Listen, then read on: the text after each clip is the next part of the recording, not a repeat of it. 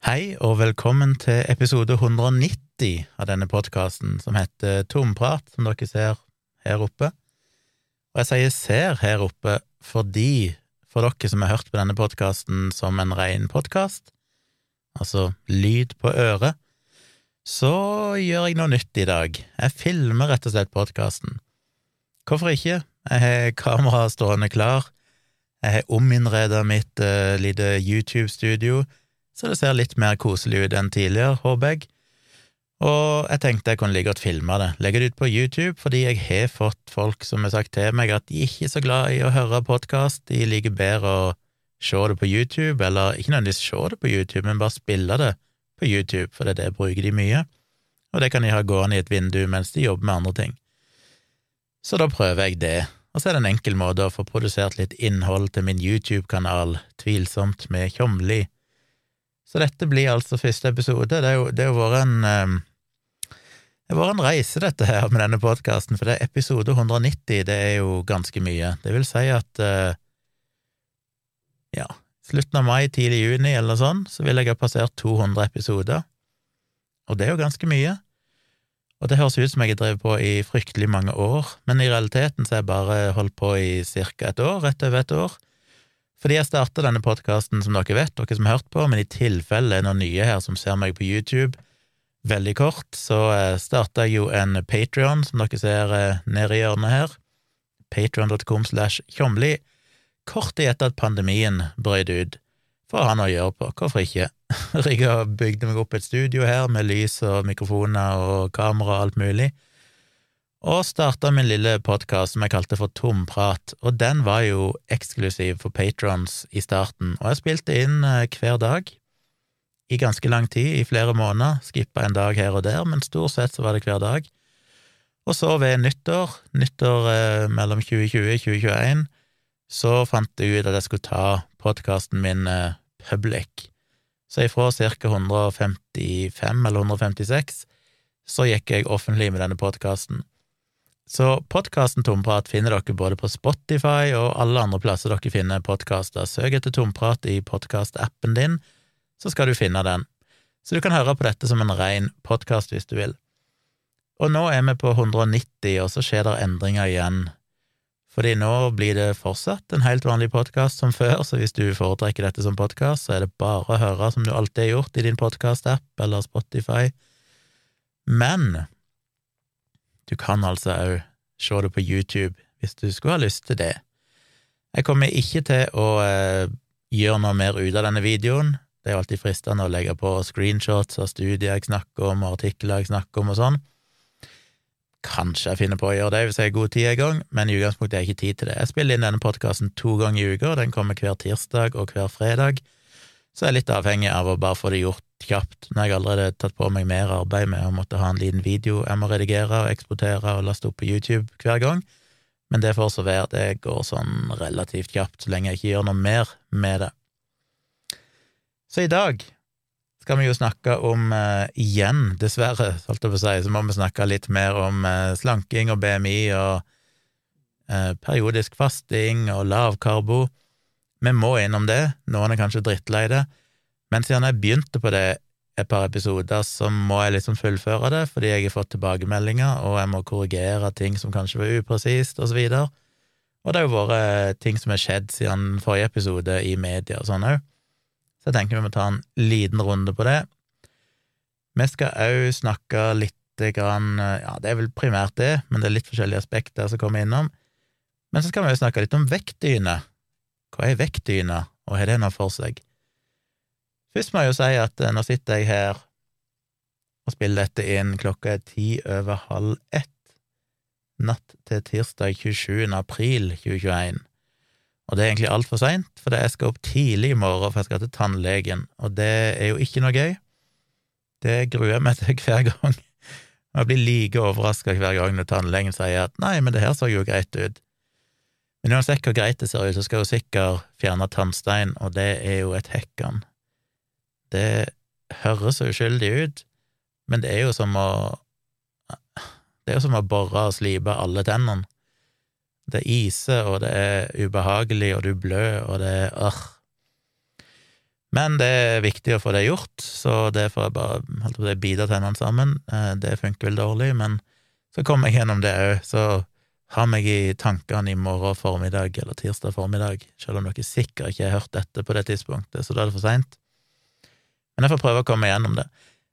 Det mest interessante blir jo egentlig at jeg skal ned til byen igjen, til Oslo by. Jeg bor i Oslo, men jeg bor litt utenfor Oslo. Et kvarter med lokaltog. Og nå er det virkelig lenge siden jeg har vært tatt med offentlig transport, eller vært andre plasser enn der jeg kan gå. Så det føles Det, det er rart, en blir jo litt sånn ødelagt av denne her lockdownen, for det føles nesten skummelt nå å gå på toget og dra inn til sentrum, selv om nå begynner jo smitten å bli temmelig låg, så det er lenge siden det var så trygt som nå å gjøre det men fordi det er så ekstremt lenge siden, flere uker siden, jeg har egentlig vært nede i byen, så føles det litt sånn eh, rart. Så skal jeg innom tannlegen, og da må jeg være i nærkontakt med folk, og ja, ja, jeg satser på at eh, tannlegen sjøl kommer i fullt smittevernsutstyr. Og når jeg først er der nede, så må jeg få kjøpt meg noe ny kaffe. Vi går tom for kaffe her, kaffebønner, så det må jeg ha litt eh, påfyll av. Og så skal jeg jo, som jeg sa i forrige podkast, få koronavaksinen på fredag omsider, og det gleder jeg meg til. Um, jeg har jo lest så mye om det nå i så mange måneder at det blir spennende å se hvordan det faktisk funker på meg. Kommer jeg til å få en skikkelig dårlig dag etterpå? Kommer jeg til å være en av de prosentene som får en sånn ja, får litt feber og slapphet og sover? blir interessant å se, fordi dattera mi kommer på, nå til helge eh, på besøk, og hun er jo bare Jeg tror jeg sa hun hadde vært her to ganger i 2021 i forrige episode, men hun har bare vært her én gang i 2021 på grunn av lockdown, og det syns jo jeg er veldig kjipt. Så jeg gleder meg til det, å få henne igjen nå. Det er fem uker siden sist. Men det kan jo være at hun kommer til en far som eh, er totalt kollapsa på sofaen og bare blir liggende og må ta en, en liten sjukedag etter vaksinen. Men mest sannsynlig så tror jeg ikke jeg kommer til å merke noen ting. Jeg har jo tatt influensavaksine hvert år, og jeg har tatt, tatt mye vaksiner. Jeg har jo Siden jeg er født i Tanzania og vi har bodd i Kenya og sånn, så har jeg tatt mye rare vaksiner. Mamma fortalte meg om eh, at jeg fikk koppervaksinen. Jeg var en av de siste som fikk koppervaksine, før kopperviruset ble helt utrydda. Og jeg fikk visstnok det, fikk jeg vel som baby i eh, Tanzania og den historien hadde jeg aldri hørt før, men mamma fortalte meg nylig at jeg hadde fått en eller annen russisk koppervaksine som de hadde i Tanzania, og jeg hadde jo fått total utbrudd etterpå av holdt si, kopperlignende sykdom. Kopper er jo en sånn sykdom, dere har kanskje sett bilder der du får sånne ekstreme drøye flekker på hele kroppen, eh, litt sånn røde hunder, meslinger, den type utbrudd. Og det fikk jo jeg av vaksinen, men eh, så vet ikke, jeg har ikke lest noe om koppervaksinen til å vite om det var det vanlig å få det, eller var det en litt shady russisk vaksine jeg fikk? Kanskje jeg burde gå for Sputnik V mot korona, siden jeg er godt inni det allerede.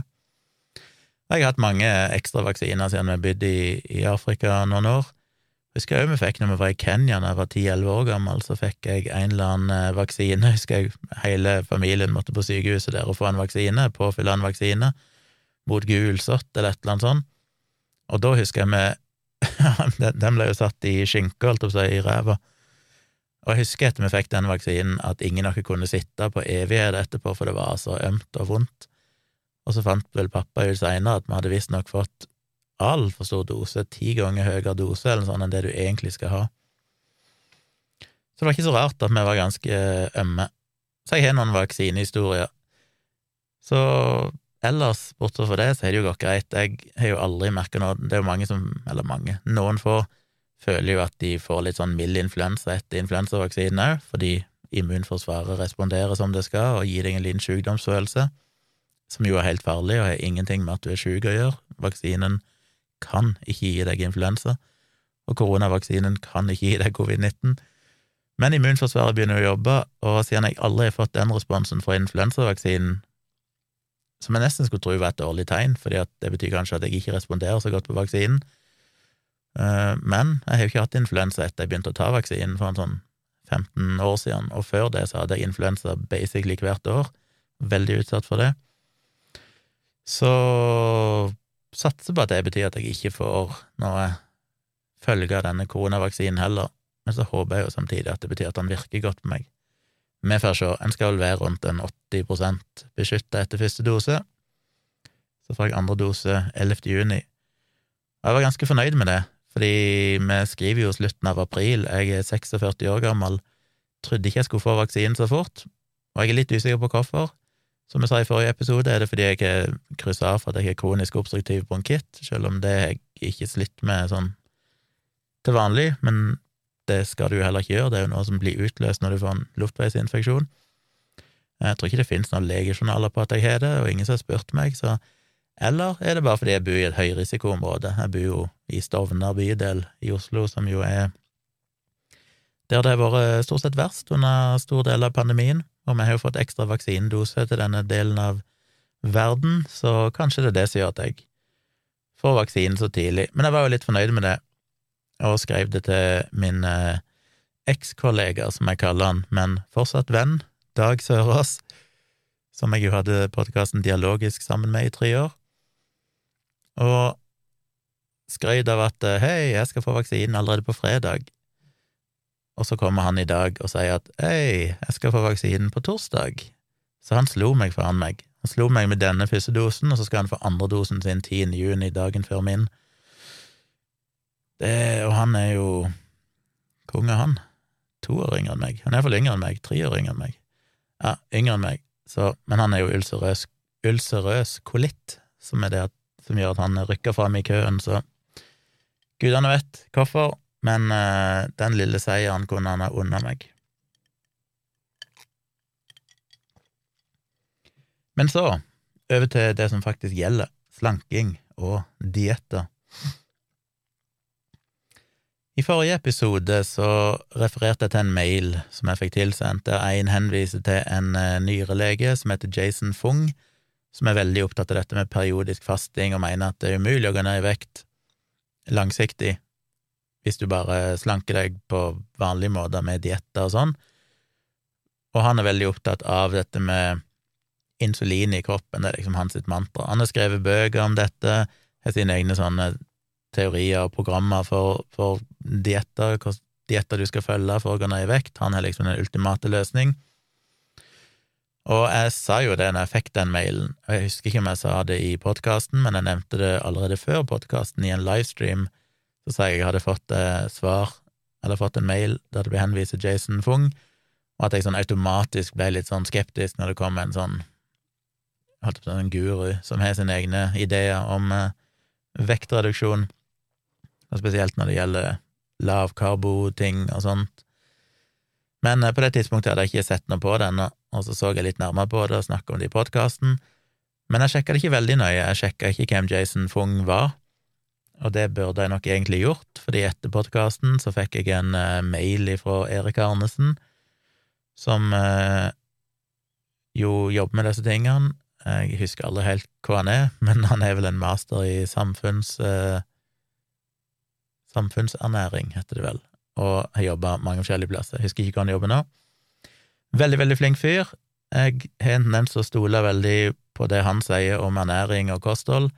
Han har jo en egen blogg som heter Sunn skepsis, og den har jeg lært mye av opp gjennom tidene. Og der skal jeg òg dele i, uh, i shownotes til denne episoden, både under YouTube-videoen og under podkasten, så kan dere finne noen linker, og der skal jeg lenke blant annet til én litt gammel bloggpost, men der han skriver mer om det som kalles for karbohydrat-insulin-modellen, som jo er kjernen, så vidt jeg har skjønt, av det han Jason Fung snakker om. Og ideen hans er jo at når du spiser, inntar mat, spesielt hvis det er rikt på karbohydrater, så skiller kroppen ut insulin for å senke blodsukkeret. Det fører også til at kroppen da lagrer overskuddsenergi som fett, Eh, hypotesen er jo da at det gjør deg mindre mett, og du vil generelt sett ha lettere for å spise mer, for du, du, appetitten din vil øke på grunn av dette. Og det er jo noen som mener, litt usikker på akkurat hva Jason Fung mener, men i mye av disse lavkarbo- og keto-diettene og sånn, så handler det jo mye om at Eh, alle disse mekanismene spiller inn knytta til insulin, at du da får lavere energiforbrenning og sånn, sånn at selv om du eh, slanker deg, altså, eller går på en diett, men som allikevel, der du inntar ting med en del karbohydrater, så vil du liksom ikke egentlig slanke deg så veldig effektivt, fordi at du hele tida skiller ut insulin, og du kommer fortsatt til å føle deg sulten, du får ikke noe skikkelig metthetsfølelse, og kroppen lagrer mye mer fett enn ellers, enn om du hadde spist andre ting som hadde mindre karbohydrater. Så den motsatte hypotesen er jo da at hvis du spiser lavkarbo, altså kutter karbohydrater mest mulig, eller hvis du da driver med fasting, som jo da han Jason Fung gjør, som ikke bare argumenterer for periodisk fasting, men han faster av og til flere dager i strekk for sin egen del, og snakker også om at veldig overvektige pasienter teknisk sett kunne ha fasta i en måned og sånn, selv om han er tydelig på at det skal en være forsiktig med, og det kommer veldig an på hvor overvektig du er i utgangspunktet, og sånn, hvor mye kroppen er å ta av og sånn. Men han er ganske ekstrem på dette med fasting.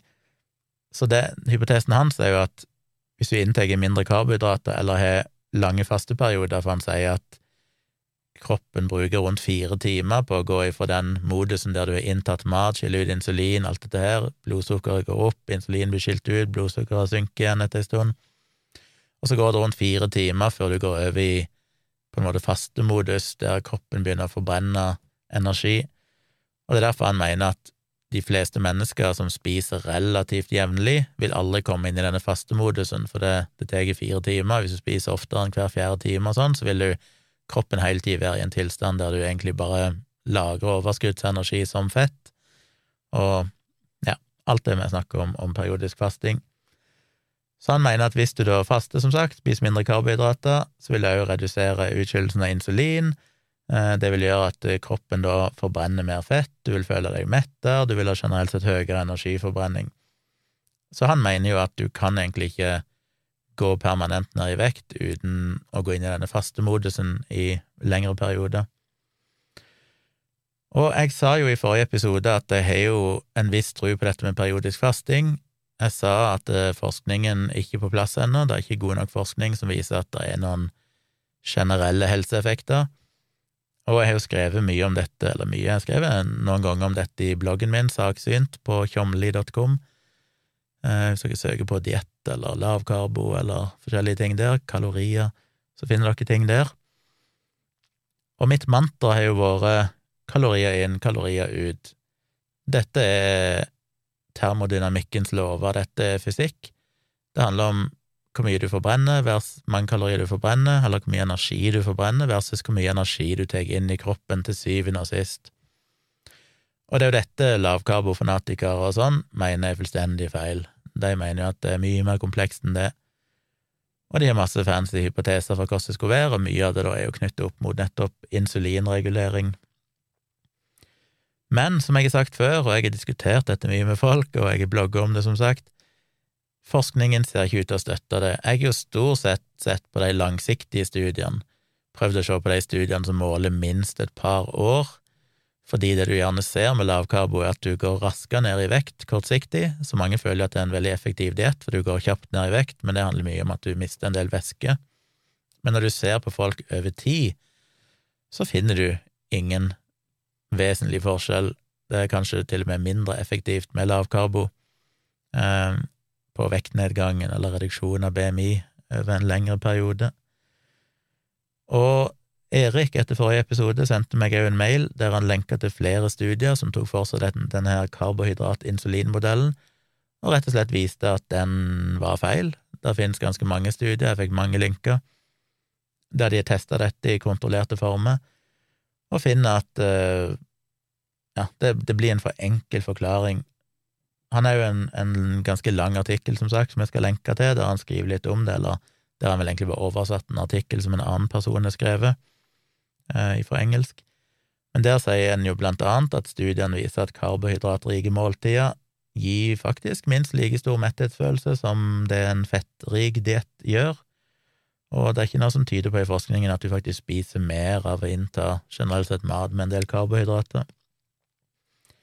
Uh, finner heller ikke noen vesentlig forskjell på hvor mye forbrenningen, altså hvor mye du forbrenner av energi og fett, eh, hvis du sammenligner karbohydratrik mat med for eksempel mat med mye protein eller fett.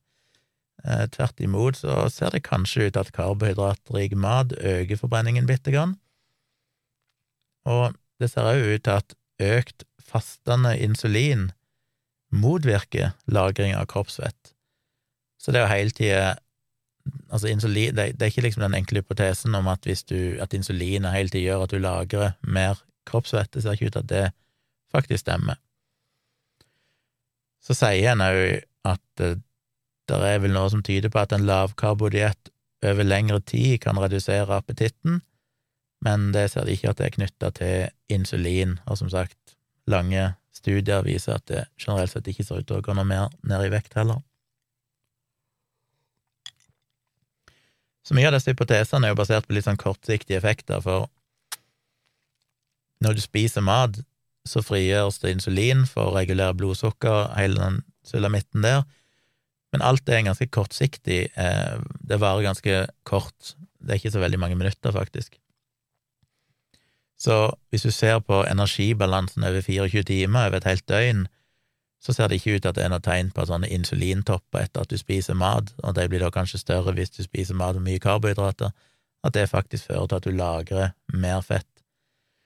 Så igjen så ender en opp med kalorier inn og kalorier ut. Eh, det er energi det handler om, energibalanse. Men i tillegg til det så handler det jo selvfølgelig aller mest om å finne en det er feil å si en diett, for du bør egentlig ikke være på en diett, men en livsstil, et kosthold, som fungerer for deg. Og det tar meg jo litt over til neste punkt, som er dette med BMI.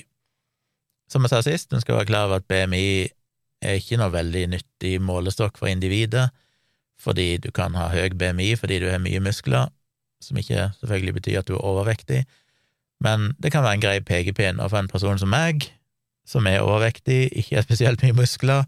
All min overvekt skyldes definitivt fett og ikke noe annet. Eh, så er iallfall BMI en slags grei målestokk som på en måte gir et, et bilde av vekten min, kroppsmassen min, sammenlignet med høyden min. Og jeg nevnte jo litt i forrige episode denne nye NRK-serien Et fett liv, og det ble jo en eh, debatt på NRK Debatten som jeg riktignok ikke har sett. Men det kom en uh, artikkel på nrk.no som tok for seg litt av denne diskusjonen som hadde vært både i debatten, men òg utenom debatten. For en av de som var med i debatten, var en som heter Steinar Krokstad. Nei, ikke debatten, han var med i Et fett liv, og der gjorde de et stort nummer ut av at du er normalvektig, sånn utenfor BMI-skalaen, så er du undervektig hvis du er under 20, du er normalvektig hvis du er fra 20 til 25 på BMI. Du er overvektig hvis du er fra 25 til 30. Du lider av fedme hvis du er over fra 30 til 35, og så er det veldig alvorlig fedme hvis du er over 35. Selvfølgelig veldig kategorisk at det liksom er sånn sprang på fem eh, hver gang, men, men, det er en enkel måte å forholde seg til det på. Og da ble det jo sagt at det å ligge akkurat i det øvre sjiktet av normalvektig, altså gjerne et sted mellom 24 og 26, altså akkurat på grensa mellom normalvektig og overvektig, at studier viste at det så ut til å gi lengst liv til de som lever, lever lengst. Problemet med det, som både Erik Arnesen har påpekt, men òg en professor, Gøran Hjelmeset ved Universitetet i Oslo, han peker på det samme som Erik òg har nevnt, at den statistikken blir feil, og dette synes jeg er veldig gøy, med sånn hvordan skal du lese disse statistikkene, fordi det minner meg jo veldig om når, når folk snakker om at i steinalderen så levde jo ikke folk lenger enn til 30 år, eller noe sånt, 30 pluss år, og det er for så vidt riktig hvis du ser på gjennomsnittsalderen, eh, eller gjennomsnittslevetid, så var den, nå har ikke jeg sjekka dette, men den, den er iallfall veldig kort, la ikke si han er på noen og 30-40 år, et eller annet sånt, og det gir jo en idé om at folk ikke ble eldre enn 30-40 år. Eh, en tenker jo fort at uh, hvis du var 40 år i den tida, så var du en gammel mann, og det skal mye til å leve lenger enn det, for det ser vi jo at forskningen viser, at det var stort sett det folk levde i snitt. Problemet med det er jo at det ikke stemmer i det hele tatt. Det stemmer jo hvis du ser på gjennomsnittet, men hvis du tar vekk alle som døde før de ble fem år, så ser du at uh, levealderen øker betydelig. Og igjen, nå har jeg ikke sittet og sjekka tallene på dette, men da var det nok mange som levde, kunne leve opp mot den alderen vi lever i i dag, selv om selvfølgelig snitt maks levealder lå jo en del lavere enn det gjør i 2021, for nå lever vi mye lenger enn før. Men det var fortsatt folk i den tid som ble gode og gamle. Ikke så gamle som i Bibelen, der folk ble flere hundre år gamle og sånn, men Men for å lakke til virkeligheten, så greia det at de, alle de ungene som døde, for det problemet var jo at det var så ekstremt høy barnedødelighet, en betydelig andel av alle barn som ble født, det er jo helt forferdelig å tenke på hvor fjernt det er for nå. Jeg mener, hvis et barn dør i dag, så er det jo avisoppslag omtrent. Eh, det er så sjeldent. Men i den tida så måtte du jo regne med å miste godt og vel halvparten kanskje av alle ungene du satte til verden, endte jo opp med å dø av enten sykdommer eller andre ting. Eh, og det gjør jo at den totale levealderen i snitt blir trukket kraftig ned. Så derfor må en jo egentlig se på de, se på hvor, lang, hvor lenge levde de menneskene som først hadde klart å bli fem år. Hvis du først klarte å bli fem år, hvor lenge levde du da? Og da får en jo et helt annet bilde. Og det er litt av greia her òg, med denne BMI-en, fordi at det som eh, ødelegger den statistikken, er at folk som røyker, som gjerne er tynnere, og folk som av andre grunner er syke, og som dermed er tynne, de dør veldig tidlig. Så det på en måte trekker statistikken i retning av at lavere vekt fører til kortere liv, men de er jo egentlig ikke representative for det totale bildet, eller for den jevne nordmann, for å si det sånn. Eh, hvis du ikke i utgangspunktet er sjuk i ung alder, og ikke er en røyker, så er det ikke noe som tilsier at eh, det faktisk er i det øvre sjiktet av normalvekt som nødvendigvis er best. Forskjellen er ikke så veldig stor, men de mener vel at det ligger nok heller et sted mellom 20 og 24, altså BMI-en bør ligge et sted mellom 20 og 24, det er de som lever lengst. Og det er jo egentlig normalvektig, eller i den ja, nedre, med liten overvekt mot den nedre delen av normalvektig, som ser ut til å gi eh, lengst levealder. Ikke at det er så fryktelig viktig, egentlig. Det blir jo en sånn så mange faktorer her i livet som spiller inn uansett, at eh, det er vanskelig å Du kan ikke styre livet ditt ut ifra det. Og det er jo egentlig greia da med sånn BMI og sånn òg, at for individet så blir jo disse tingene temmelig meningsløse. Du kan ikke For et individ så kan du ikke si at fordi du har en BMI på 23, så kommer du til å leve lenger. Men sånn jevnt over statistisk sett, hvis du ser på hele befolkningen, så kan BMI være interessant å se. Øker BMI-en i befolkningen? Blir den lavere? Og hvordan slår det ut på levealder? Og det fører jo til en interessant debatt om dette med slanking i det hele tatt, for bør noen slanke seg? Er det noen vits i å slanke seg? Og der er det jo litt uenighet, selv om jeg føler vel egentlig folk er ganske enige. om at hvis du ligger på overvekt, det vil si mellom 25 og 30, som for øvrig jeg gjør, så er det ikke noen store grunner til å iverksette noe sånt slankeprosjekt, med mindre du har noen sykdommer som er knytta til dette. Jeg har jo i utgangspunktet høyt blodtrykk, og det er jo gjerne knytta til overvekt. Jeg går på blodtrykkssenkende medisiner, så jeg har normalt blodtrykk nå. Det er lei familien min med høyt blodtrykk, eh, og jeg fikk jo først høyt blodtrykk etter jeg hadde gått ned 15 kilo i vekt, så det skjønner jeg jo heller ikke helt. Jeg hadde helt normalt blodtrykk når jeg var på mitt tyngste, som jeg var over hele livet mitt, over 100 kilo, og så gikk jeg ned til rundt uh, noen, ja, litt under 90 kilo, 87 eller noe sånt på mitt laveste, og boom, så fikk jeg høyt blodtrykk.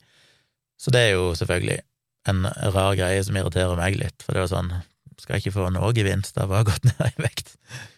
Men jeg er jo blitt eldre i løpet av den tida, så det er kanskje en eh, aldersfaktor oppi dette her. Men sånn for min del så er det kanskje blodtrykk er jo det eneste jeg har. Um, som en kan si at ok, siden jeg har høyt blodtrykk, så kanskje jeg burde fokusere på å prøve å gå litt, litt ned i vekt. Og det gjør jeg jo for så vidt, som jeg har snakka om. Men uh, utover det så er det ikke noe sånn veldig gode grunner til at du skal gå ned i vekt. Ideelt sett så skulle en gjort det. I den ideelle verden, der dietter funka, slankekurer funka, helt topp, kjør på. Men det er jo det som er den store debatten, og det er jo det at slanking funker ikke.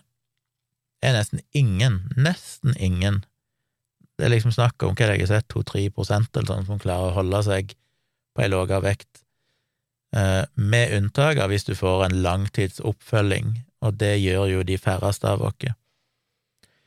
Eh, så slanking funker dårlig, og derfor er jo jeg veldig opptatt av at, og som jeg har sagt mange ganger, ja, jeg gikk ned i vekt, men det viktigste for meg var at jeg begynte å leve sunnere, jeg la om kostholdet en del, spiser mye sunnere nå enn det jeg gjorde for en del år tilbake, og det gjør automatisk at selv om jeg spiser, har gått tilbake igjen i stor grad til en del gamle vaner, så har jeg ikke gått opp igjen til den samme vekta som jeg hadde tidligere, som overrasker meg litt. For jeg er liksom sånn, Nå har jeg skeia ut skikkelig lenge og bare trykker i meg alt mulig rart, men, men jeg er liksom stagnert på ei vekt som ligger ja, ganske mange kilo under det jeg var tidligere.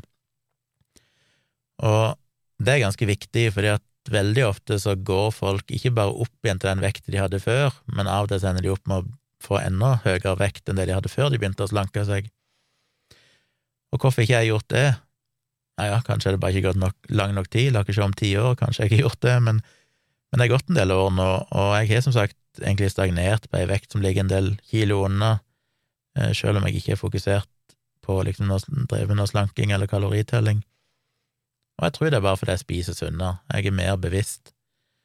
Og jeg slanka meg jo gjennom kalori uh, inn, kal kalori ut-metoden, jeg bare telte kalorier, og det er ikke noe liv å leve, alt jeg på si, det er kanskje ikke det er en effektiv metode for å gå ned i vekt, for det går jo rett til kjernen av liksom energibalanser til syvende og sist, det er det som teller, ikke hva du spiser.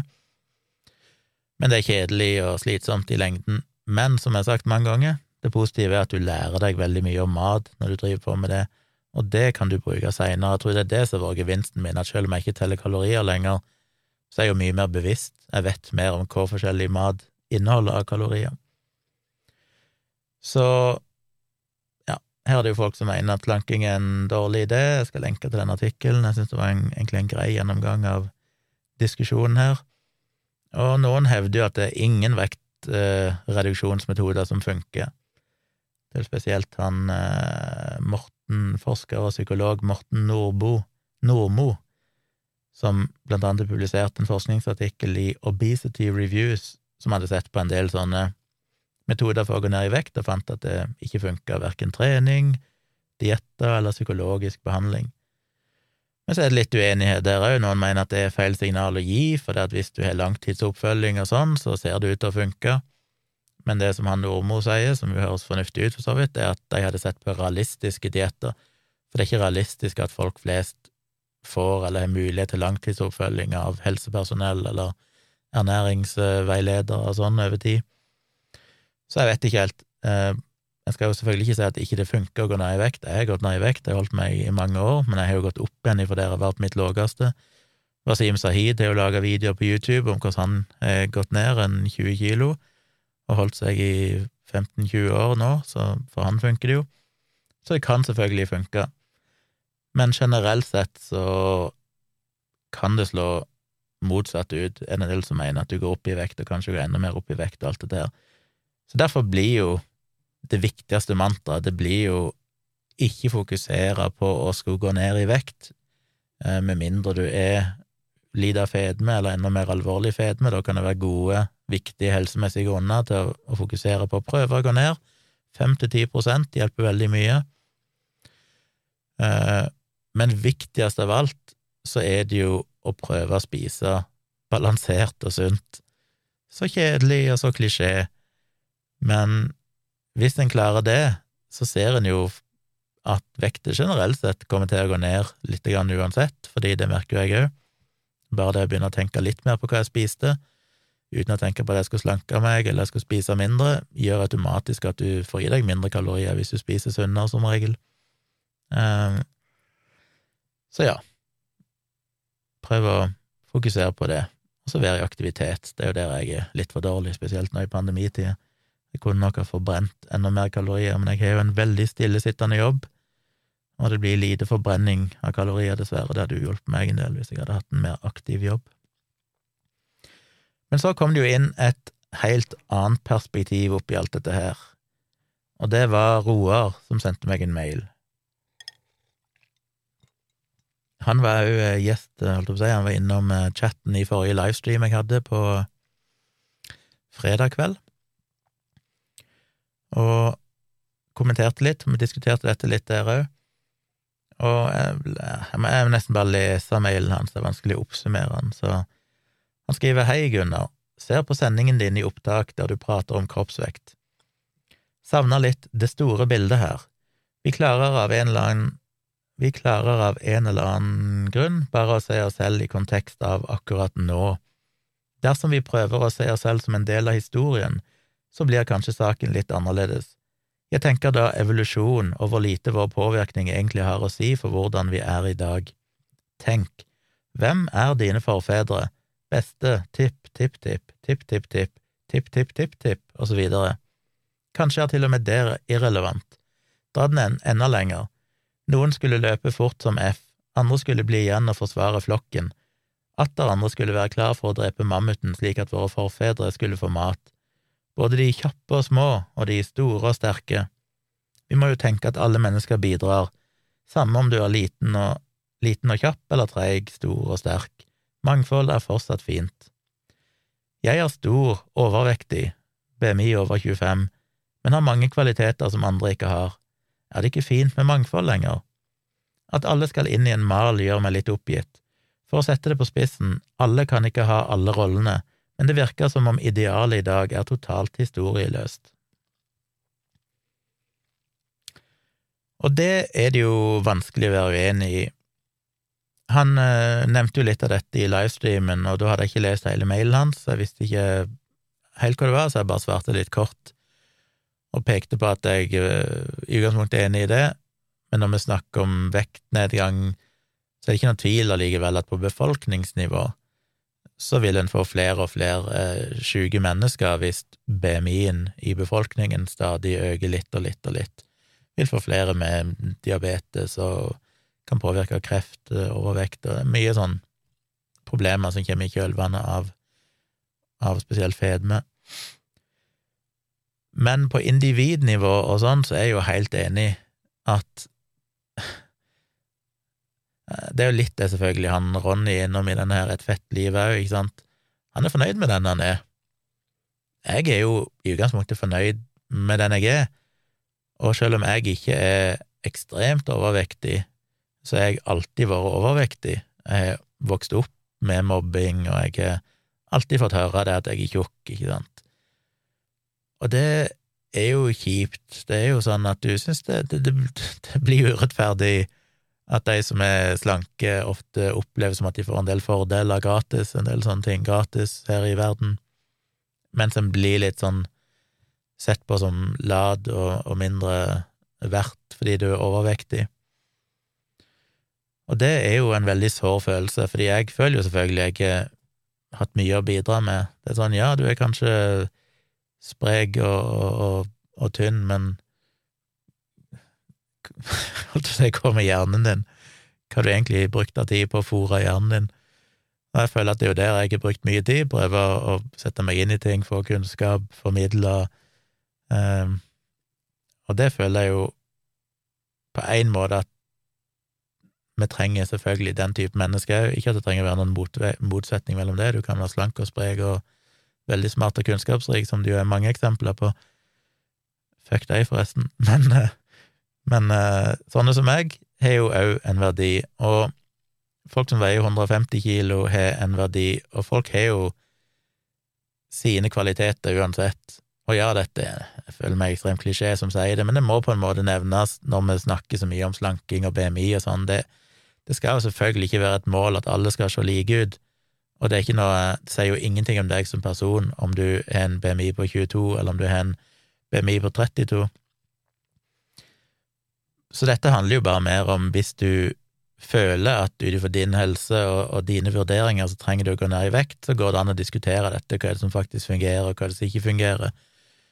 Uh, Hvilke målsetninger bør du ha? Du bør nok, som jeg mener, da, tenke mer på å spise sunt og, og ha god helse enn at du skal ned i vekt, selv om det å gå ned i vekt er jo knytta til helse, så er det mer langsiktig, og det funker bedre å, å tenke kosthold i form av helse enn i form av kalorier i det lange løp, selv om igjen det ofte henger litt sammen, det òg. Så eh, ja, vi må snakke om det, men til syvende og sist så er det jo ikke viktig. Det, det er viktig på befolkningsnivå. La eh, Folkehelseinstituttet og de bekymre seg over det. For hver og en av oss er jo veldig glad at vi er forskjellige. Og det er litt sånn som Ronny sier, at ja, ok, du, du får kanskje noen år ekstra hvis ikke du er alvorlig fedme, men jeg ser jo for meg at en person som Ronny ikke nødvendigvis får bedre livskvalitet av å skal gå inn på et enormt slankeprosjekt. Det blir jo spennende å se de neste episodene, hvordan dette her går. Det føles jo som litt spoiler at vi har sett han i, som programleder i eh, delfinalene og finalen av Melodi Grand Prix her i Norge, og det, Et fett liv ble jo spilt inn i fjor sommer og høst, og vi har sett han i nyere tid, og han, han var ikke tynn som en strek da, så det ser ikke ut til å nødvendigvis var noen dramatiske forskjeller, så kanskje det ikke er gått så bra. Men eh, ja, som jeg har sagt mange ganger, jeg, jeg, gikk ned en del kilo i vekt, jeg ble ikke noe lykkeligere, fikk ikke noe bedre liv, fikk bare høyere blodtrykk, så gudene vet. Så kanskje jeg eh, unngår noen livsstilsproblemer problemer når jeg blir eldre, kanskje, og kanskje lever jeg et halvt år lenger, men jeg kommer til å fokusere mye på å kose meg fortsatt selv om jeg kommer til å være overvektig resten av mitt liv, for det kommer jeg til å være, med stor sannsynlighet. Så da er vi ferdig med vekt og BMI.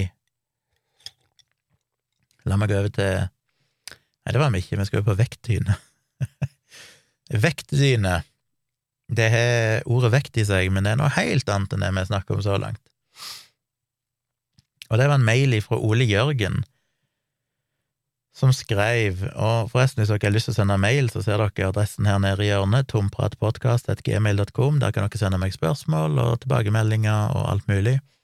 Eh, spørsmål trenger ikke bare være om sånn forskning og sånne ting. Det kan òg være hva jeg syns om ting, om private ting, mine meninger om ting, politikk, eh, whatever. Du syns jeg eh, kan rante om.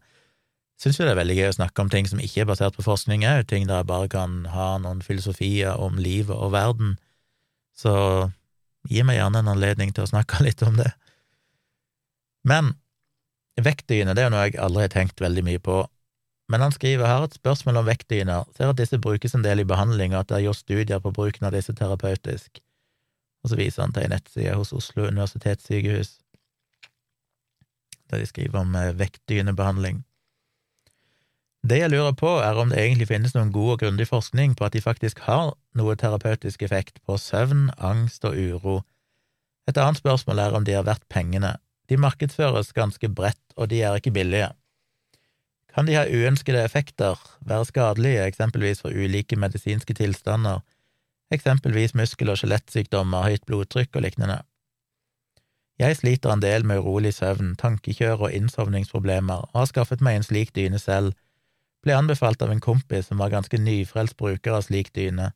Det er jo lett å tenke at det funker for meg, men skal jeg være helt ærlig, kan jeg ikke si at jeg har merket noen revolusjonerende effekter.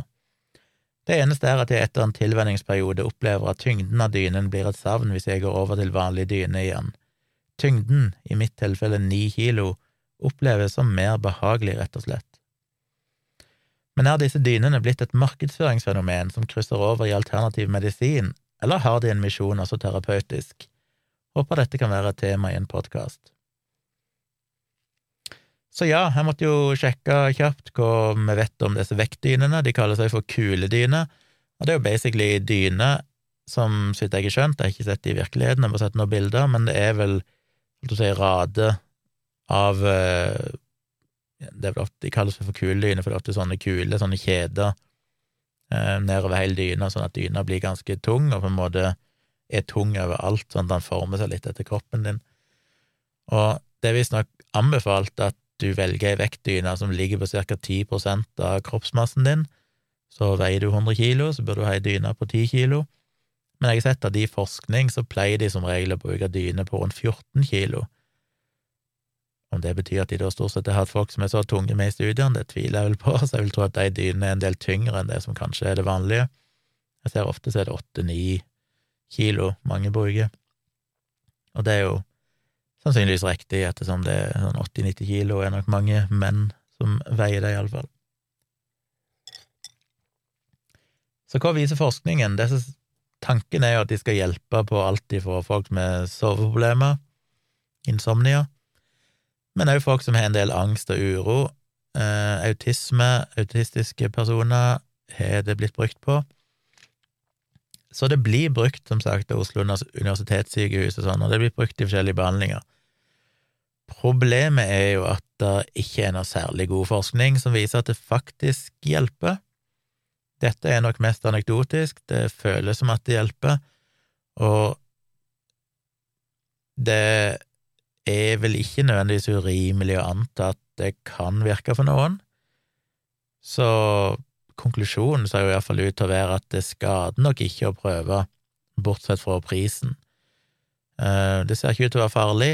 Det har vært et tragisk tilfelle i Canada for en tid tilbake, der en autistisk elev skapte litt oppstyr i klassen, så vidt jeg skjønte det, og så var det vel en lærer som hadde tatt eleven med inn på et annet rom, og så pakka han inn i en sånn vektdyne, i god hensikt, fordi at det ofte hadde virka beroligende så skjedde det et eller annet som ingen vet, men det endte opp med at gutten ble kvalt og døde. Så det gjorde at folk ble litt sånn 'Å, oh, dette kan jo være farlig', men det høres ut som et litt sånn sært tilfelle, som neppe er så veldig problematisk for folk flest. Så det blir jo ansett som egentlig være trygt, og jeg fant ingenting om bivirkninger og sånn. Den siste systematiske litteraturgjennomgangen jeg fant, var fra 2020. Der hadde de sett på liksom effekten av vektdyne på forskjellige tilstander, og de fant som sagt altfor lite god forskning, så det er liksom bare sånn Vi trenger mer forskning for å egentlig kunne si om dette har noe for seg eller ikke. Problemet med det er jo at for å teste ting skikkelig, så bør du ha kontrollerte studier, randomiserte, kontrollerte studier. Men hvordan i all verden gjør du det med vektdyne? Fordi du kan ikke ha ei kontrollgruppe som skal ha ei vektdyne som ikke veier noen ting. eller som ikke skal vite at de har vektdyne på seg, fordi ei vektdyne veier vesentlig mer enn ei vanlig dyne.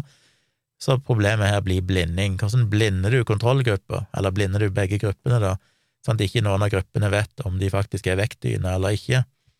Det kan jeg ikke se for meg er mulig, og dermed blir det jo tilnærmet umulig å teste dette på en kontrollert måte, så det er vanskelig å vite om hvis studien ser ut til å vise en effekt, er det en reell klinisk effekt av vektdyna, har den en fysiologisk effekt, et eller annet som påvirker kroppen og gjør deg mer rolig, alt mulig sånn, eller er det en placeboeffekt?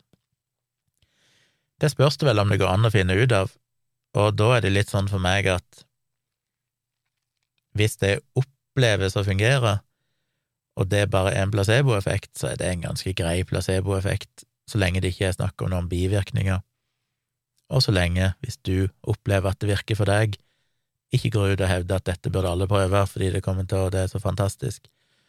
Jeg syns jo placeboeffekt eh, kan være en positiv ting, men en må aldri legge det som grunnlag til å begynne å misjonere en eller annen behandling eller diett eller et eller annet sånn for andre mennesker, fordi vi vet ikke. Det kan godt være det funker for deg, men det kan være det bare funker for deg fordi at det hjelper deg psykologisk på et eller annet vis. Jeg må jo si at jeg jeg sover jo som et barn, så jeg har ikke noe søvnproblemer. Det er nesten litt synd, for jeg hadde nok likt Hvis jeg skulle hatt ei vektdyne, så hadde nok det vært for velvære. Jeg, jeg snakka om det, husker jeg, i Dialogisk-podkasten for en tid tilbake, om hvordan jeg elsker å ha noen som ligger oppå meg.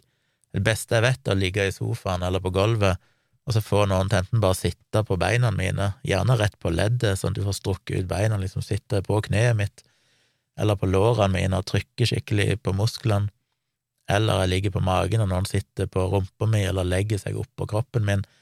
Altså, det å bli utsatt for press er utrolig deilig. Det har jeg alltid likt, og det var det jo ei som skrev inn eh, etter å ha hørt meg snakke om det, som snakker om at dette er jo en en behandling som har blitt brukt, jeg vet ikke hva evidensen er der heller, men for en del autister, at uh, det finnes sånne egne hva er sånn skap, holdt jeg på å si, et eller annet sånn autist kan gå inn i en sånn klemmemaskin som basically presser på deg og gir deg en slags mekanisk klem, fordi det oppleves som beroligende for autister. Og det kan jeg godt skjønne. Det syns jeg òg er ekstremt beroligende. Så sånn sett så heller jeg i retning av å tenke at ja, det høres jo ikke urimelig ut at ei vektdyne kan virke beroligende, jeg tenker jo for meg ville det sikkert vært deilig. Jeg er jo dessverre så varmblodig av meg at jeg har jo en tendens til å kaste av meg dyna, sånn jeg blir fort veldig varm under dyne. Så sånn sett så er ikke ei, vektdyne optimal for meg. Men jeg kunne kanskje hatt ei bare for velvære, bare når jeg skal chille litt, så kan jeg ta på meg ei sånn 25 kilos vektdyne, det hadde vært perfekt for meg. Så det er mitt svar til um, Ole Jørgen, at ut ifra den forskningen jeg har lest, og de siste uh, forskningsgjennomgangene, så ser det ikke ut til å være veldig god vitenskapelig dokumentasjon. Men det er sannsynligvis heller ikke farlig, og jeg vet ikke hva de koster. Uh, det er jo det som blir trukket fram, at det eneste bivirkningen er på en måte prisen. Men jeg syns jeg så noe om at hvis du har reelle behov, så går det an å, å låne de og sånn av Nav og forskjellig sånn, så det, det er mulig at hvis dette hvis det er noe du har lyst til å prøve, og det er for dyrt for deg, så kan du kanskje snakke med lege. Kanskje det er mulig at en uh, lege, eller om det går an å søke Nav på en eller annen måte, jeg aner ikke. Men det, jeg tror det skal være mulig å kunne få støtte til dette fra det offentlige òg, muligens. Sjekk det ut i så fall. Jeg aner ikke hvor dyr det er, det er kanskje overkommelig pris på de. Det ser iallfall ikke ut til å være noen mirakuløs eh, greie og um, jeg merker at jeg får litt lyst på en. Men det tror jeg var alt jeg hadde for denne episoden. Takk for at du hørte på, takk for at du så på. Hvis du ser dette på YouTube, veldig kult om du ikke der, nå prøvde jeg å peke i feil hjørne av skjermen, men der, så ser du hvordan coveret på podkasten min ser ut. Søk den gjerne opp eh, der du hører på podkaster. Søk opp Tomprat og abonner på den, og tips gjerne andre. Blir veldig glad om du går inn på eh, Apple Podcast eller andre podkast-apper der det er mulig å gi stjerner, og gi meg helst fem stjerner hvis du syns jeg fortjener det. Hvis ikke, så kan du bare la være, for det alt annet vil bare trekke ned snittet, så det, det, det er jo ikke noe gøy. Eller en hyggelig kommentar der inne. Og send meg som sagt gjerne mail på tompratpodkast.gmail.com. Eh, spørsmål, tips, tilbakemeldinger, ris, ros, alt mulig. Jeg er veldig glad hvis dere korrigerer meg i feil som dere vel har hørt nå gjennom noen podkaster, så må jeg jo gjerne korrigere meg sjøl når jeg oppdager at jeg har sagt noe upresist eller noe som jeg, jeg føler kan være villedende eller til og med feil. Og det er viktig for meg. Jeg vil jo være korrekt, men jeg er ikke noen ekspert på alle ting, så, og det er det jo en del av lytterne mine som ofte er, heldigvis. Så da er det fint å få meg korrigert, så jeg kan gi korrekt informasjon. Og det kan dere bruke mailen til.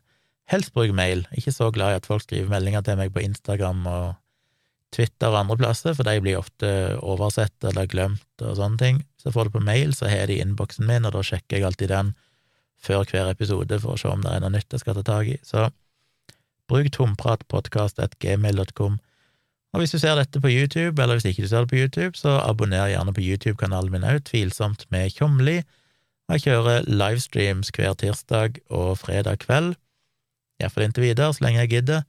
Så ganske seint på tirsdag kveld og ganske seint på fredag kveld så kjører jeg livestream, og der kan du delta med spørsmål og chat, og det er alltid like moro. Og så eh, var det patronen min, ja. For de som er nye, så er jeg en patron, som dere ser her nede. Patron.com slash tjomli.